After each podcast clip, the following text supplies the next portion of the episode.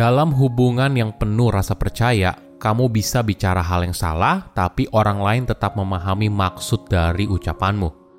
Tapi ketika kepercayaan rendah, tidak peduli seberapa jelas apa yang kamu sampaikan, mereka tetap saja salah paham.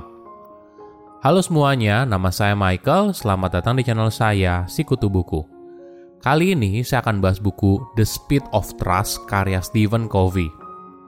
Buku ini membahas kenapa sebuah kepercayaan begitu berharga. Sebelum kita mulai, buat kalian yang mau support channel ini agar terus berkarya, caranya gampang banget. Kalian cukup klik subscribe dan nyalakan loncengnya. Dukungan kalian membantu banget supaya kita bisa rutin posting dan bersama-sama belajar di channel ini. Rasa percaya dalam bentuk yang paling sederhana adalah cerminan dari sebuah kredibilitas Semakin kredibel diri kamu, maka semakin mungkin orang percaya pada kamu. Faktanya, semakin kredibel seorang, justru semakin cepat seorang bisa percaya pada dirimu. Misalnya, ketika kita sedang konsultasi dengan dokter, kita mungkin tidak kenal dengan dokter tersebut, tapi kita mendengarkan dan percaya apa yang dikatakan.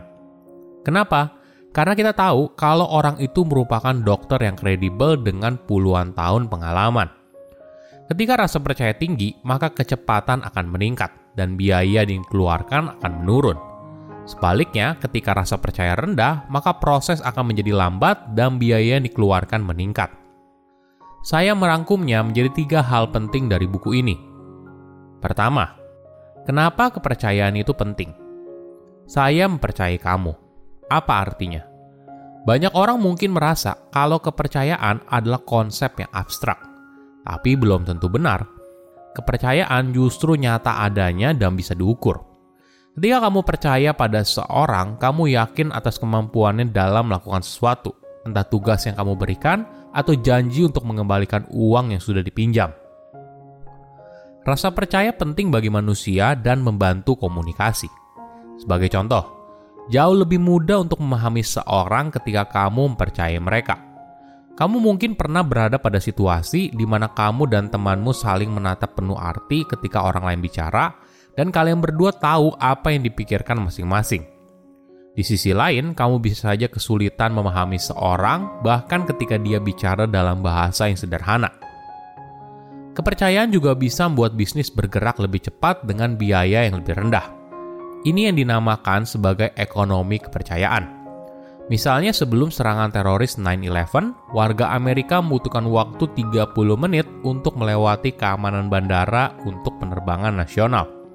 Tapi setelah 9-11, ketika kepercayaan menurun dengan cepat, izin keamanan perlukan waktu satu setengah jam.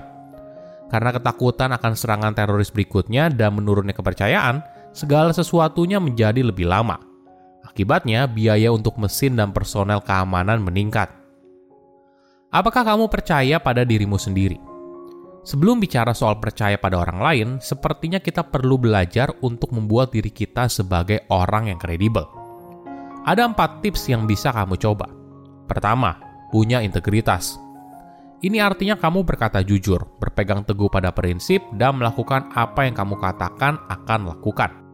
Ada contoh yang luar biasa dari petenis profesional Andy Roddick yang menunjukkan integritas dalam pertandingan tenis pada tahun 2005. Saat itu, pada match point, servis lawannya disebut out oleh wasit dan Rodrick dinyatakan sebagai pemenang.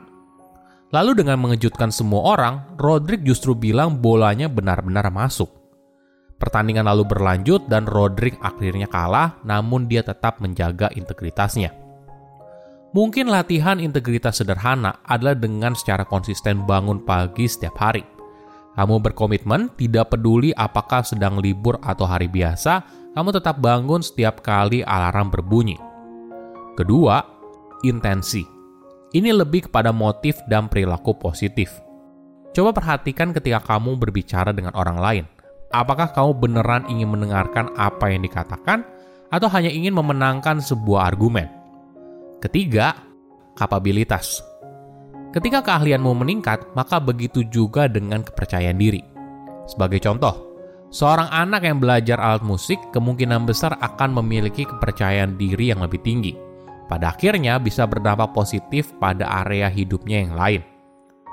Jangan pernah berhenti untuk belajar.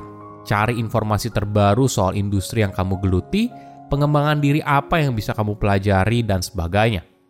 Terakhir, hasil. Mungkin kamu pernah dengar ungkapan, tidak perlu banyak bicara, yang penting hasilnya bagus. Hasil merupakan bukti atas apa yang kamu lakukan. Reputasi ini merupakan aset yang sangat berharga. Kedua, tips membangun kepercayaan. Rasa saling percaya merupakan sebuah keunggulan universal yang bisa diciptakan semua orang. Tapi jujur juga ada batasnya. Misalnya, jika kamu secara terang-terangan bilang kalau kamu tidak suka dengan pacar baru temanmu, hal ini tentu saja tidak baik dan bisa merusak hubungan yang sudah ada. Ketika kita dipandang sebagai orang yang bisa dipercaya, maka banyak manfaat yang bisa kita raup. Misalnya, hubungan sosial yang makin cair atau biaya yang dikeluarkan menjadi semakin kecil. Bagaimana caranya? Ingat, untuk mendapatkan kepercayaan seorang, kadang hal kecil justru sangat berarti. Misalnya, kamu menunjukkan kalau kamu peduli pada seorang. Ada fakta yang menarik. Ketika seorang berpikir kalau kamu beneran peduli dengan mereka, maka kecil kemungkinannya mereka merasa kalau kamu adalah seorang penipu. Nah, gimana caranya? Misalnya dengan bilang terima kasih, mengakui kontribusi orang di sekitarmu, memuji pencapaian orang lain, dan tidak berbicara buruk terhadap seorang di belakang. Ada analogi yang menarik soal sebuah kepercayaan. Coba bayangkan ada sebuah akun kepercayaan di setiap orang. Setiap kali kamu berperilaku sebagai orang yang bisa dipercaya, maka ibaratnya kamu sedang membuat sebuah deposit. Tapi sebaliknya, jika kamu bertindak yang tidak bisa dipercaya, maka ibaratnya kamu sedang melakukan penarikan dari akun tersebut. Targetnya adalah memastikan kalau akun kepercayaan itu dalam posisi plus. Bagaimana cara taunya? Caranya yaitu dengan minta umpan balik. Ini adalah cara kamu mengukur progres yang kamu jalani dan di area mana kamu bisa jadi lebih baik. Ketiga, sisi lain dari kesalahan. Setiap orang pasti pernah salah, tidak terkecuali.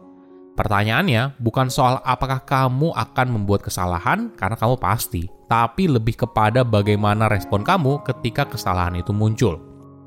Entah dalam hubungan pribadi, profesional, atau pertemanan, kita perlu ingat kalau kita semua adalah manusia biasa yang tidak luput dari kesalahan. Namun tentu saja ini bukan artinya kita bisa bebas berbuat salah. Nah, gimana respon yang lebih baik?